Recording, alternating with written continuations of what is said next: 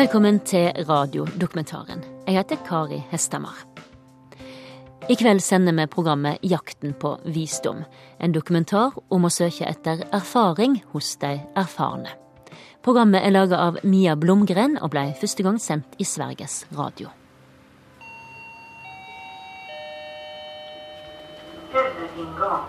Jag befinner mig på serviceboendet Pilträdet mitt i Stockholm. Och jag är här för att jag tror att här finns det människor med en gedigen erfarenhet av livet. Människor som har levt så länge att de har fått perspektiv på saker och ting.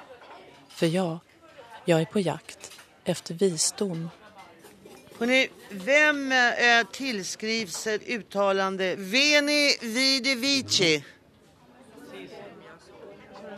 Caesar, Helt riktigt, det var Caesar. han kom, han såg, han segrade. Vem lär ha sagt borrare formar brunnar, bågmakare formar pilar, snickare formar trä och den vise formar sig själv? Vad sa du? Buddha. Helt rätt. Vilken grupp gjorde comeback med låten God gave rock and roll to you?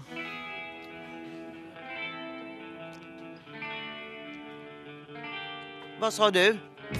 Gud gav oss rock'n'roll. Tror jag. Gruppen heter Kiss.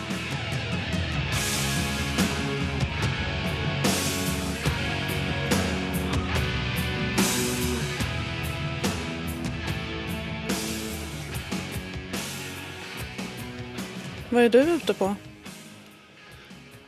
Jag är, jag är ute på en rundvandring. Det är nämligen så att jag letar efter en person att prata med. Jag har gått fel, hittar den inte. Och jag som tänkte fråga dig om eh, visdom. Då har du äntligen kommit rätt. För det första ska man leva rätt. För det andra, när man väl har upptäckt vad som är rätt så får man det förbannat svårt. Därför att det är inte lätt att leva rätt. Vad innebär det att leva rätt då? Göra rätt mot sig själv och andra. Jag har försökt så gott det- går. Men jag kan lugnt erkänna för dig att det har inte gått alla gånger. Men fråga mig inte vad det var. Det kan jag inte säga. Kan man få en ledtråd? Jo då. Jag har en känsla av att jag har varit elak ibland. Och de gånger man gör något som är galet ska man ångra sig fortast möjligt för att slippa ruelsen. Åh, stackarn. Jag har försökt ta livet lite leende sen jag miste mina egna. Du miste dina egna säger du. De dog i en bilolycka. Vad, vad menar du när du säger dina egna? Min mor och far och en bror och en syster. Jo, de, de, gick, eh, de gick åt alla i samma olycka. Så det är det jag menar med mina egna. Det var ganska, det var ganska hemskt. Det var det. Hur har du tacklat det då? Jag har försökt svälja det, glömma det, lämna det bakom mig. Man försöker glömma. Man försöker se bortom det som hände. Det är många som säger idag att man ska bearbeta svåra händelser och så. Att man ska tänka på dem och gå igenom dem så, så att man kommer ut på andra sidan sen. Nej, det tycker inte jag. Därför att det är det svåraste man kan uppleva. När man får återuppleva allting på nytt igen. Och därför tror jag inte på det där snacket. Så det är bara att stänga dörren och kasta nyckeln? Ungefär. Därför att det betyder någonting avslutat. Vi ska börja vår loppmarknad nu här om ett par tre minuter så vi måste rulla ut alla bord och så. De ska ha loppmarknad här nu. Låt dem. Vi får gå. Ja, då gör vi det. Oj, oj, oj, oj, oj, oj, oj, oj. Sådär. Ja, jag går nog på en promenad. Jag måste få röra på mig, annars dör jag. Skål! Det var min miniräknare. Vänta, Nej, vänta. nej.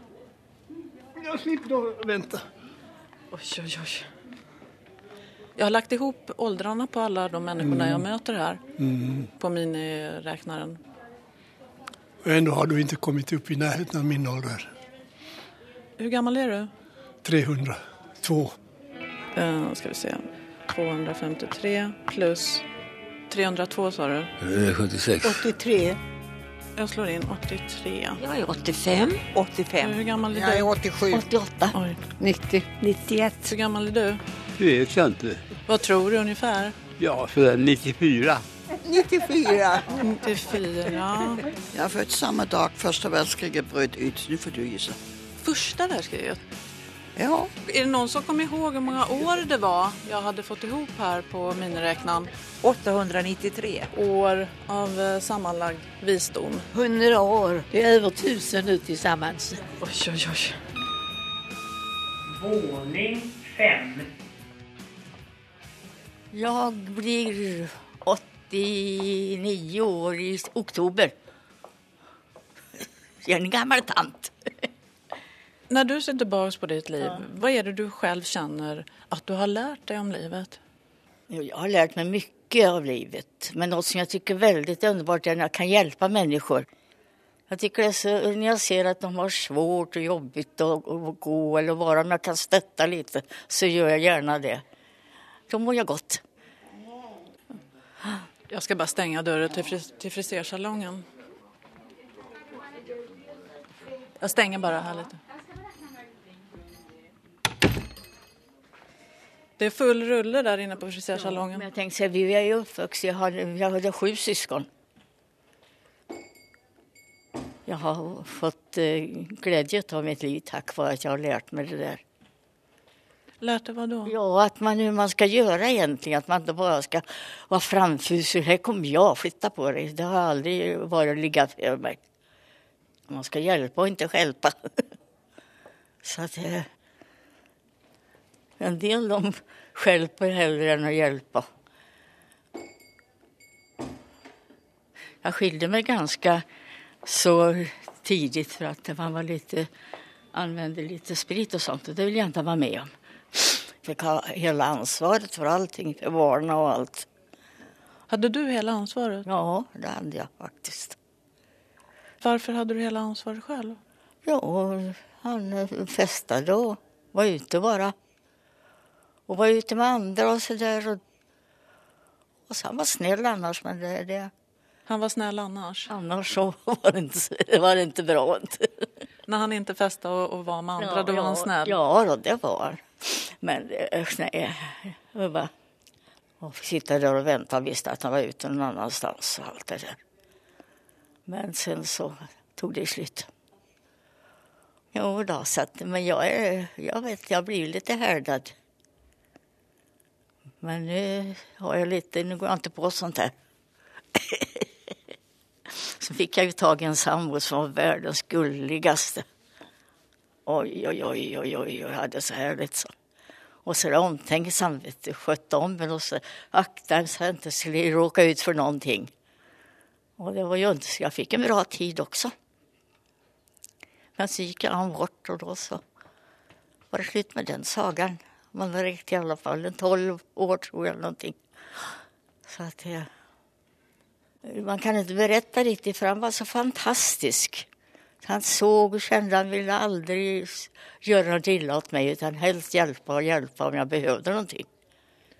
Så han hjälpte dig lite? Om man gjorde jag. Mycket. Jag fick en sån trygghet. Man ska hjälpa istället för att stjälpa.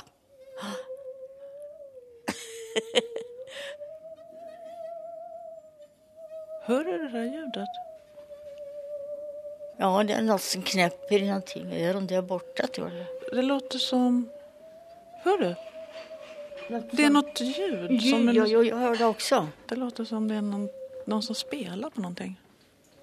Ja, det kanske det kan vara, det vet jag inte. Det är något som susar här. Ah, Musik är ju alltid skönt.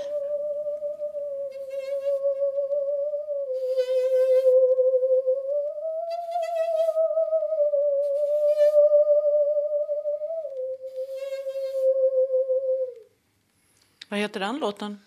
Ingen låt. Jag spelar inga melodier. tror jag. När började du spela såg? Jag var ungefär 65 år sedan. Hur gammal är du? 80. Så du eh, körde igång på såg när du var 15 ungefär? Ja, ungefär så, ja. Är det populärt här på Pilträdet när du drar igång på sågen? ja det, hos vissa är det det, ja. En del tycker inte om det. Framförallt en dam då, som, som rynkar på näsan. Va? är det inte konstigt? Hur man kan vara som människa. Att man kan vara så olika som människa. Du menar en del gillar såg och andra gillar inte? Ja, just det. Och en del tycker om jazzmusik, en del tycker inte om det. Jazzmusik är en, en fri form av musik, hörni. Det gillar jag. Vad står det på sågen? Sandvikens Stradivarius. Och så är det en uh, Näcken som sitter och spelar Ja, där på ja. sågen. Ja, just det. Finns det några likheter mellan dig och Näcken? Ja, vi är fria själar. Fria själar. Tycker om frihet. Jag jag har i och för sig varit anställd också, men, men jag tog mig ur det och hade egen verksamhet. Vad gjorde du då? Rita hus, ar- arkitekt. Mm.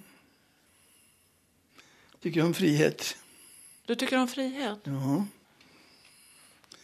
En gång scout, alltid scout. Och vad har scouterna med frihet att göra? Det är ju massa regler. Det är väl bra det, för om man är ett med reglerna så då är man ju fri. Hur många sågar har du? Jag har bara den här nu. Sen ska jag försöka få tag i en som jag kunde ge till Harry Belafonte då. Tog kontakt med Sandvikens järnverk va. Och, Vänta lite nu. Du skulle ge en såg till Harry Belafonte? ja. och så, vi, bo- vi bodde i Göteborg i 42 år. Och så skulle Harry Belafonte ha konsert i Göteborg och så var vi backstage. Och eh, efter konserten så var han välkommen hem till oss i, i Långedraga. Då så visste vi att eh, Marlene Dietrich, hon hade ju spelat såg. Och så tänkte nu ska Harry Belafonte få en också. Så, så skulle Harry Belafonte komma hem efter konserten. Men han kom aldrig. Han kom aldrig? Nej. Harry Belafonte var ju en, en hedersman på alla sätt. Han var hedersman säger du, gör scouttecknet. Ja. Tror du han var scout också? Det är inte alls omöjligt faktiskt. För han, han var ju Martin Luther Kings närmaste vän. bland annat. Var Martin Luther King scout? Ja, det får man säga. Han var hans väsen var ju en scout, kan man säga. Han var ju en hedersman. Jag har lite svårt att föreställa mig att Martin Luther King var scout. Nej, men varför det? Han ville människorna väl. Frihet och broderskap. Och lite jämlikhet också. Ja, frihet, jämlikhet och broderskap, ja. Har du varit scout själv? Ja, det har jag faktiskt varit. Bra. Vargunge kanske? Bävrarna eller något Ja, sånt. ja. Min första patrull också ja. Mm. Kan man säga att du fortfarande är scout? Ja, det, det kan man säga. Ja. Jag är alltid redo. Och så åker fingrarna upp. Ja, tre fingrar då. Och sen några fingrar på sågen. Ja, just det. Ja. Du får spela om du vill.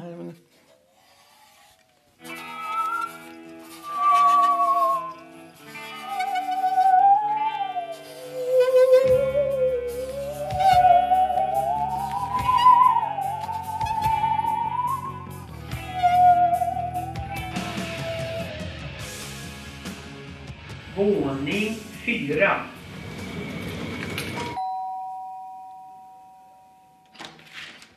Hallå? Hallå? Jag heter Mia Blomgren och jag kommer från dokumentärredaktionen. Ja, kom in och sätt dig. Jag håller på att göra ett program där jag söker visdom. Vi kan sätta oss där inne. Jag vet inte om du har känt så någon gång i ditt liv när du var yngre. Att du kände att du behövde prata med äldre människor. Att, jag behövde, ja. Ja. Ja, men hörru du, det, så är det. Jag ska berätta för dig. Du vet, jag hade en bror som var ett år äldre. Och vi var, ja, vi var 17-18 år. Och vi var på en fest. Och så hade vi druckit snaps. Jag hade en surströmmingsskiva. Surströmmingsskiva? Jo. Alltså ungdomarna träffs och eh, äter surströmming. Menar du allvar? Ungdomarna träffas och äter surströmming? Jo, men det var alltså den tiden jag... det... ja, men det var så. Du vet, om man bodde där uppe så... Ni hade surströmmingsparty? Ja. Har du aldrig smakat surströmming? Jo, det har jag faktiskt. Ja, ja. det var en sån där surströmmingsskiva. Och så eh, var det ju så att det skulle vara en snaps, men hemma var det, för hemma var det aldrig någon spirituos utan det var det ungdomarna vi, vi smakade då. Skulle liksom spela att vi var vuxna. Och då sa vi båda två, men vad ska mamma och pappa säga om de märker någonting på oss? Så vi for ju hem och vet du vad min far gjorde? Då var vi i alla fall 17-18 år. Hörni pojkar, jag ser precis vad ni har varit ute för. Så gjorde även jag. Så det här är ju bra att ni gjort det så, för nu gör ni inte om det. Gjorde ni om det? Nej, förstår du. Det vet vi var ju väldigt eh, skötsamma. Det låter som du var ganska välartad som ungdom. Ja, det får man nog säga. För Gustav är ju så snäll, sa de alltid. För det är min grundtanke. Var snäll, men ingen mes. Vadå? Vad är det? Att jag kommer till den situationen att jag ska börja berätta det för dig. Mitt, äh, mitt liv och mitt levande. Ja, varför inte? Ja, men du förstår vad intressant. Men du förstår, då kom du då aldrig härifrån. Du vet, jag är 80... 88. 88 år, det är min eh, särbo. Så vi är inte själva alltså? Min särbo är inne i köket. Då kanske jag borde hälsa på henne också. Ja, men det kan du göra. Hejsan. Jag hade ingen aning om att du var här. Nej, jag tänkte inte på att säga det. Du löser korsord? Ja då. Vi går in i sovrummet igen. Ja, men som sagt var, jag är eh, född 1921. Och eh, jag var 20 år när jag började vid järnvägen ungefär. Och blev antagen som lokförare. Och eh, med mitt yrke följer ju mycket eh, händelser som inte andra människor upplever. Och jag tänker då närmast på den gången jag kom med ett, ett tåg. Och i backkrönet ser jag någonting rött där nere. Och som lokförare så reagerar man mycket starkt på någonting som är rött. Så jag åkte ända ner till det där röda stället men hade bromsat. Rätt instinktivt bromsade jag så att jag hann stanna innan jag kom till denna röda fläck. Och det visade sig det att det var en tre, fyraårig flicka som satt på banvallen och plockade runda stenar. Och jag hann ju stanna som sagt var, så jag fick gå ner och hämta barnet och på armen så här och så kom mamman och sprang och eh, jag fick överlämna barnet. Vad har du dratt för slutsatser av den här händelsen? Ja, det är det att jag alltid fått vara en lycklig människa. För tänk om jag inte hade bromsat i tid utan jag har kört på barnet. Och eh, ja, så det har jag gått och burit i 50 år att eh, tänk att jag bromsade. Så jag hann stanna innan jag kom till den röda fläcken och det var en röd kofta som hon hade på sig. Lyckan kommer, lyckan går, lycklig den som lyckan får. Vad ni vill att människorna ska, ska göra er, det skulle ni också göra dem. Ingen rök utan eld. Kaffe, den bästa drycken är av alla världens jordiska drycker. Tama fåglar längtar, vilda fåglar flyger. Hellre fly än illa fäkta. Har du börjat spela in? Ja, ja. Jag tycker att, nu kommer ett visdomsord, att livet är att göra det vettigt för sig själv men i första hand att inte göra någonting dåligt för andra. Men det var så jävla... Usch. Usch. Floskler. Vad ska man leva för? Varför lever man? Vad gör vi av livet? Våning 3.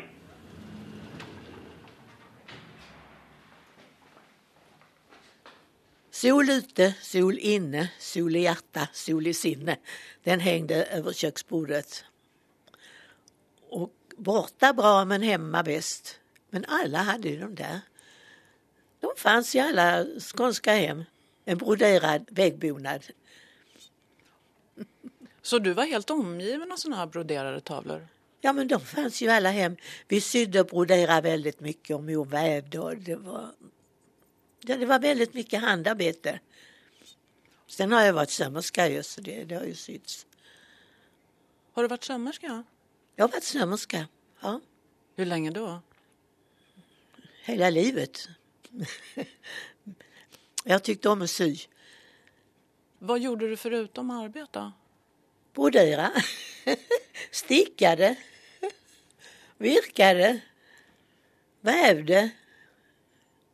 Jag tyckte om arbete, jag tyckte om det där. Men jag tyckte inte om att laga mat. Så jag tänkte så här att, att ska jag gifta mig någon gång så ska det vara en kock. Och jag hade väl en kock en gång men han var åtta år yngre så det blev ingenting nej, till slut. Nej. Mina systrar var nog mer för pojkar, jag, jag tror inte, nej. Men jag tyckte mer om att sy. Varför har du inte varit mycket för pojkar då? Jag vet inte. Jag har alltid tänkt att jag ska försörja mig själv. Jag tycker inte det är så viktigt att vara gift. Och när jag var hos min moster var lördag när hon skulle åka ner och handla så måste hon be om de där pengarna och det var liksom att hon skulle liksom säga till flera gånger innan hon skulle ha de där pengarna när hon skulle åka till stan och handla. Och så när hon handlade fick hon skriva upp allting i en bok där. Nej, jag tänkte jag ska försörja mig själv. Och det har jag gjort. Och jag har inte varit avundsjuk på mina systrar. De har ju varit gifta och haft villa och haft bil och sånt. Men det, det, nej. Jag ångrar ingenting. Jag skulle inte vara, vilja vara gift och ha en karl som super eller någonting sånt där. Men alla karlar super ju inte. Nej, det gör de väl inte. De var ju godtemplare hemma för all del. Där vin går in går vettet ut. Det kommer jag särskilt ihåg för jag gick en tvåårig handelsskola på kvällarna efter jobbet. Och då skrev jag stenografi. Och då skulle vi en gång läsa upp vad vi hade skrivit. Och då minns jag en eh, i klassen där som läste upp det där och de skrev Där vin går in går vetet ut. Det fanns väl inget tecken för dubbel-T. Men karlar har aldrig varit något större bekymmer för mig. Jag har tyckt mer om att sy och sköta min syateljé och mina kunder. Och, och ofta på söndagarna så köpte jag en tygbit och klippte till och sydde mig en egen klänning. På söndagen. Jag tänker, har du inte saknat eh, kärleken då till en man? Eller från Nej. en man? Nej, det har jag aldrig gjort. Nej. nej, jag har inte grävt ner mig i den där kärleken. Kärlek verkar vara en väldigt praktisk sak för dig. Ja, ja det har du rätt i. Det var alldeles rätt ord. Man säger ju ibland att man kan tyna bort om man inte får kärlek. Nej då. Nej men det är alldeles fel. Ja, det är mest tokiga jag har hört. Tvärtom. Man lever väl mycket mer om man slipper den där karln. Du ser ju inte speciellt borttynad ut. Aldrig, jag har aldrig saknat det. Det är bra att de finns och är trevliga men jag, jag har aldrig saknat det. Det är bra att de finns. Vilka då? Karlarna. jag har aldrig saknat dem. Jag har aldrig fått någon som jag tyckt riktigt om. Tror jag. Jag tror att jag har varit lite rädd för eh, erotik. Jag, eh, det sexuella har jag, det har jag inte gillat. Jag tyckte inte om det. Nej. Jag avstod gärna, eller försöker undvika. Nej. Jag tyckte inte om det. Jag blev tvingad till det. Nej, tänkte jag, det här vill jag inte ha. Vad då tvingad till? Ja, man blev tvingad till samlag och, och, och sånt. Egentligen blev man väl våldtagen de första gångerna så man hade ju tur kanske att det inte, inte blev några barn. För jag minns mina, mina kamrater i, i tonåren. De träffade ju en, en kille och det blev ett samlag och det blev barn. Och de fick ju faktiskt inte komma hem med de där barnen ju. Det var ju en väldig skandal ju. Det hände ett par stycken av mina arbetskamrater på syfabriken. Och det var ju någon väldig skandal. Nu när man tänker efter, det var ju, det var ju pojkarnas fel men det, det jag säger ibland att jag har varit gift med min symaskin. jag tyckte om mitt yrke. Och man, man fick vackra tyger och man, man, man skapar ju någonting när man sydde en klänning. Ja. Så du skulle, du skulle kunna brodera en tavla där det stod uh, hellre sy än sex? Ja, oh ja. Flera gånger om, ja. Oh, ja, ja. ja.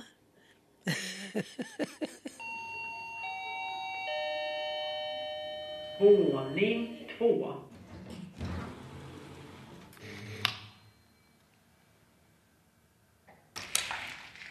Hallå, hallå. Hej. Hej, jag tar i hand så här. Hej, hej. Välkommen in. Varsågod. Och så har du ett helt uh, vitrinskåp fullt med silver. Ja, det har jag. Vad är det för något? En massa skräp. Jag, hade, jag var svensk mästare i skytte en gång i världen. Och skjuta. Du verkar ha varit väldigt bra på att skjuta, för du har väldigt mycket priser. Ja, jag var bland de bästa. Men det är många år sedan nu. Jag la av när jag var 70 år. Hur gammal är du nu? 89. Jag håller på och letar efter visdom. Ja, det har inte jag mycket att komma med. Varför säger du så? Nej, jag är så dum i huvudet så. Det enda jag kunde var att jag kunde skjuta ta fan. Jag kunde träffa pricken när jag sköt, men det hade ingen nytta med sig.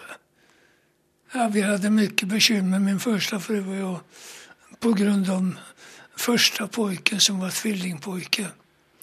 Han hade fått epilepsi, fick anfall och blev medvetslös en gång varje dygn. Min fru var hemma och skötte honom i 37 år. Felet var att när, när han var sjuk och min fru var hemma så skulle jag ut på söndagarna och tävla och slå, och slå alla andra så mycket som möjligt. Så skyttet har varit den stora grejen i ditt liv? Tyvärr, tyvärr. Det finns inget som jag ångrar så mycket. Och ändå har jag så jävla mycket pokaler så det är inte klokt. Det står för tusentals kronor ute. Jag vill inte ha dem. Varför ångrar du det? Ja, jag visste att det hade tagit tid ifrån från min fru att jag inte fick vara hemma istället. Det berodde väl på att jag sköt så jävla bra. Så fick jag vara med på det där. Oj. Nu verkar det som stolen går sönder som jag sitter på. Ja, det kan den. är gammal trasig. Men du får vara försiktig. Hur gamla är stolarna? Ja, de måste ju vara minst 50-60 år. Någonting i den stilen som vi gjorde dem där hemma. Ja, de är broderade ja. Ja. Det var min fru som sa att nu ska vi sy de här. Vi tar varsin stol. Och det gjorde vi. Vi satt och sydde med det där när vi inte hade för oss. Men varför satt ni bara och inte hade något att göra? Jag menar att nu, nu när pojken är död så måste vi hitta på något annat. Då kan vi inte sköta honom längre, han är ju borta. Och eh, vi begravde honom och det var väldigt högtidligt. Det var alldeles proppat i hela kyrkan. Hur gammal var han när han dog? 37. När du ser tillbaks på det här att din son dog när han var 37. Vad säger det dig? Ja, då säger man att livet inte är rättvist. Varför ska en familj få en sån sjuk pojke för att ha, ha hand om medan andra slipper? Det där är grovt sagt. Alltså, jag, jag menar inget illa med det. Livet är inte rättvist, säger du. Nej, det var väl ingen rättvisa, men var och en ska ju dö. Det blev bara så att det vart ett annat liv för oss. Men likt förbannat så var jag med på det där skyttet på söndagar då och då. Sen var det väl så förstås när jag sköt som bäst, och, eh, säger 50 och 60-talet, då, då var det inte så i livet, då var inte du född. Utan då var det en karl. Han satt inte hemma hos mig hos frun även om det hade en sjuk pojke. Utan eh, han gick in och sköt först. Med sitt skytte. Och det var ju inte bra.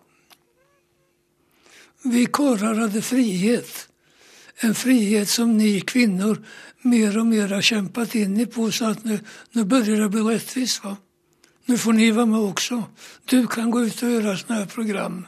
Och det är bra. Det var inte riktigt på tapeten då på 60-talet att man som man skulle ta hand om sitt barn som var sjukt. Nej, utan det var frun som fick göra. Och det var så de flesta familjer. Jag hade till och med vid, för att ta hur jävligt det kan vara, det var en fältskjutning ute i Rotebro. En fältskjutning i Rotebro? Ja. Och där... eh, Så, Va, vad är fältskjutning? det är när man går ut och skjuter på lösa mål som står på sex olika ställen. Och så blir man nedlagd och ska skjuta sina sex skott. Och så markerar de och så går de till nästa station till det är färdigt. Ja, jag gjorde det då, men då tog jag med mig min sjuka son ut. Men för att klara det så måste min fru vara med. Va? När vi kom till första station, då började han att bråka. Då sa jag, Märta, jag tar geväret här och, och sen får du ta pojken. Och sen skjuter jag och sen bär jag honom runt den där banan på ryggen. Han vägde inte så mycket heller. Och jag bar honom runt hela den där jävla banan. Jag sköt 29 av 30 träff och vann överlägset. Trots att jag bar honom. Det, det är ett roligt minne. Att jag orkar med att bära honom. För en unge väger ju trots allt några kilo.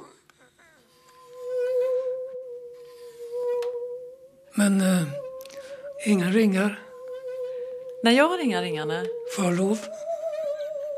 Jag måste säga att ni är väldigt flörtiga, ni gamla män. Vad är vi? Flörtiga? Ja, det är vi, ja. Jag tycker om när du ler. Är jag mycket dum tycker du? Nej, men jag tycker att du ska sluta prata om mina ögon och svara på mina frågor istället. Tvärtom. Jag, jag vill ha både och. Okej, men nu, nu ska vi prata om... Är du gift? Nej, jag är inte gift. Mia heter du, ja. Ja, jag heter Mia. Är du också så där flörtig som alla andra är här? Ja, absolut. Minst sagt.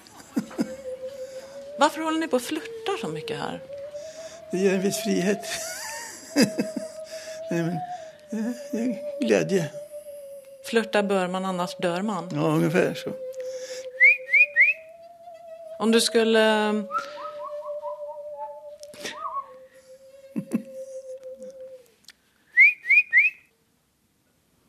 Kan du säga vad du gör nu? Jag försöker få bort din huvudvärk. Kan du säga vad du gör? Det är massage för, för huvudvärk.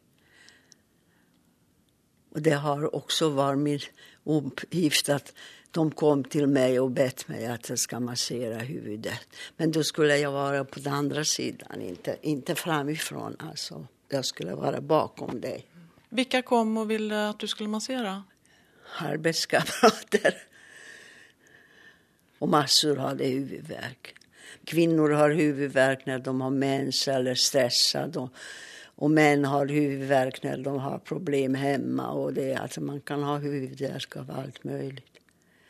Om man är huvudvärkstypen alltså. Är du det? Nej. Det är inte. Någon gång kan jag ha stress eller spänning, huvudvärk, men då sitter det bakåt här. Här sitter då. Den här huvudvärken har jag inte. Jag vet inte om det är all eh, visdom som gör att det börjar tynga i huvudet nu. jag ska ge dig lite choklad. Vad är det för choklad? Det är mörk choklad. Ta några stycken så får du upp alltså blodsockret. Mm, jag tar här. Ska inte du ha då? Ja. Nej. Du är ingen huvudvärksperson säger du. Vad har du varit för person då? Ja, känslig.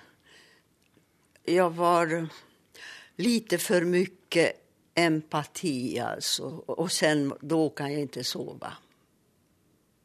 Du har legat och ältat andras problem? Ja, det kan jag göra.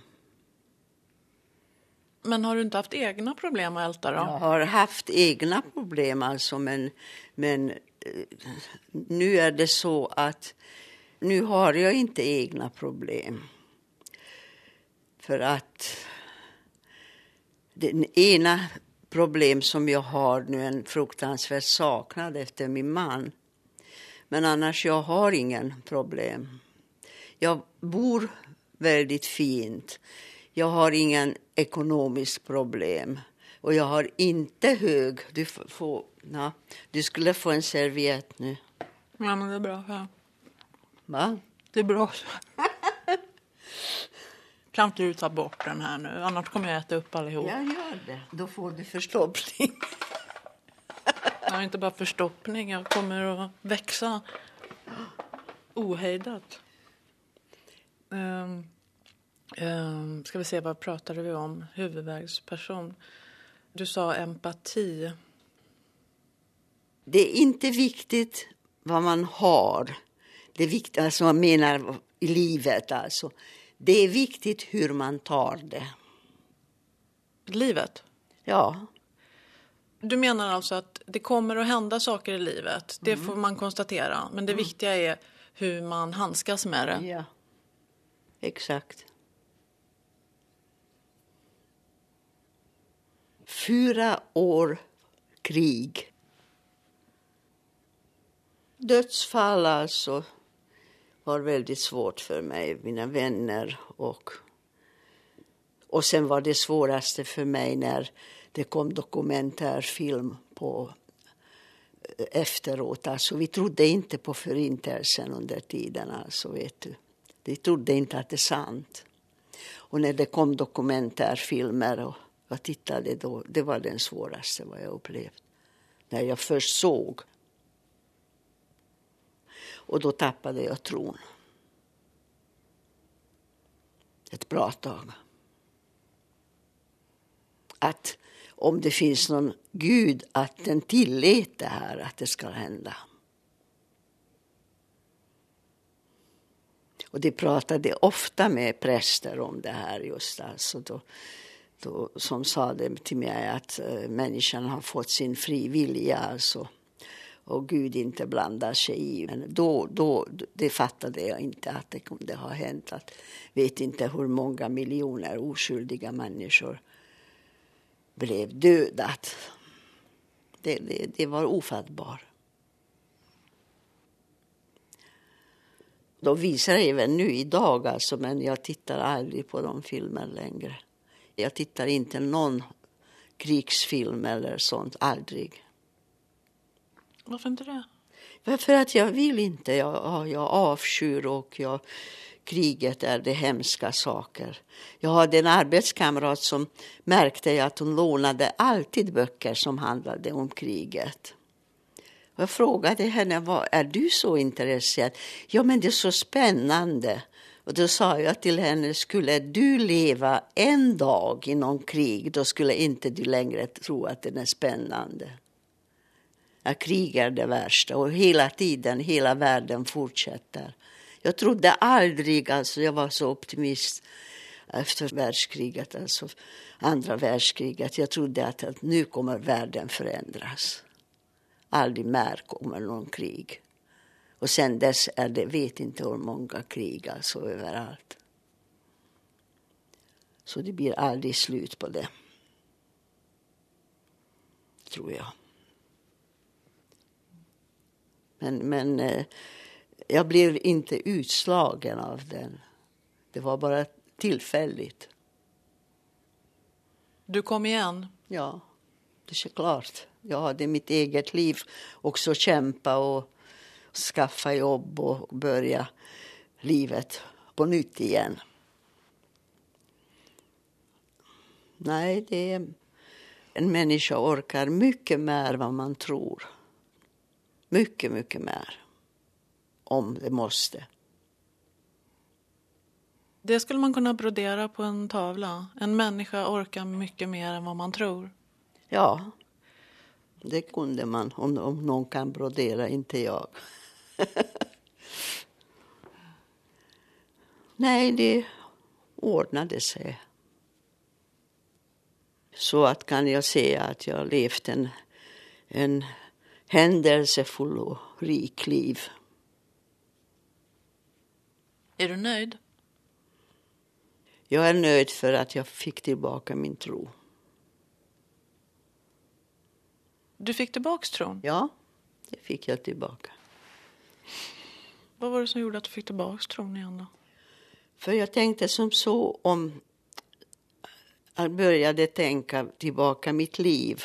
Och då tänkte jag att det måste varit någon Gud som var med mig hela tiden. För nej, att jag klarat allting. Men kan inte det bero på att du är stark då? Måste Gud vara inblandad i det hela? Ja, jag blandar inte i Gud, Gud blandar i mig.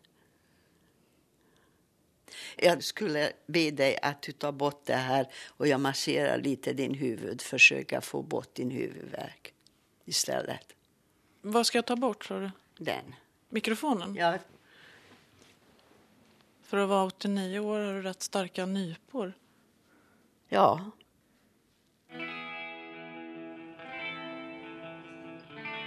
Som ni vet så har jag lagt ihop åldern på alla de som jag har mött här på Pilträdet. Och jag är nu uppe i 3113 år. Och eh, som tack för er hjälp så tänkte jag bjuda på tårta. Vilken tårta! Oj, oj, oj. Men Sofie. Tårtan var mycket god, ja. Det finns en tårta till. Där satt den.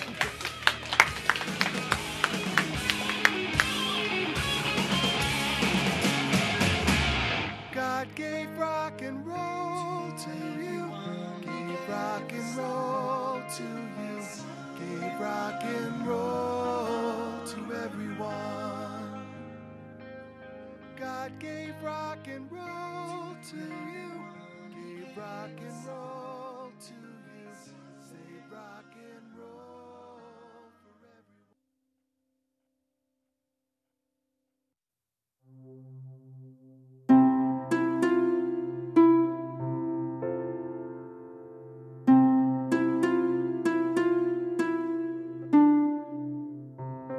Du har hørt radiodokumentaren 'Jakten på visdom' av Mia Blomgren.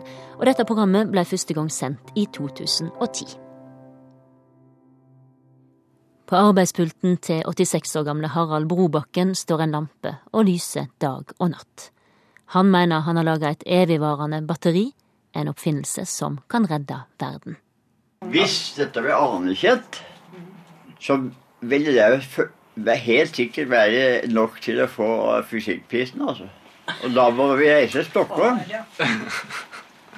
Ikke snakk sånn. Det synes Nei, jeg er så det er dumt å si det. Ja, jeg syns det er så dumt at de orker ikke Ja, men det er sant. Nå vil vi Vær så snill, ikke snakk om dem. Hør radiodokumentaren Det lyser ennå lørdag om ei uke klokka ti her på NRK P2.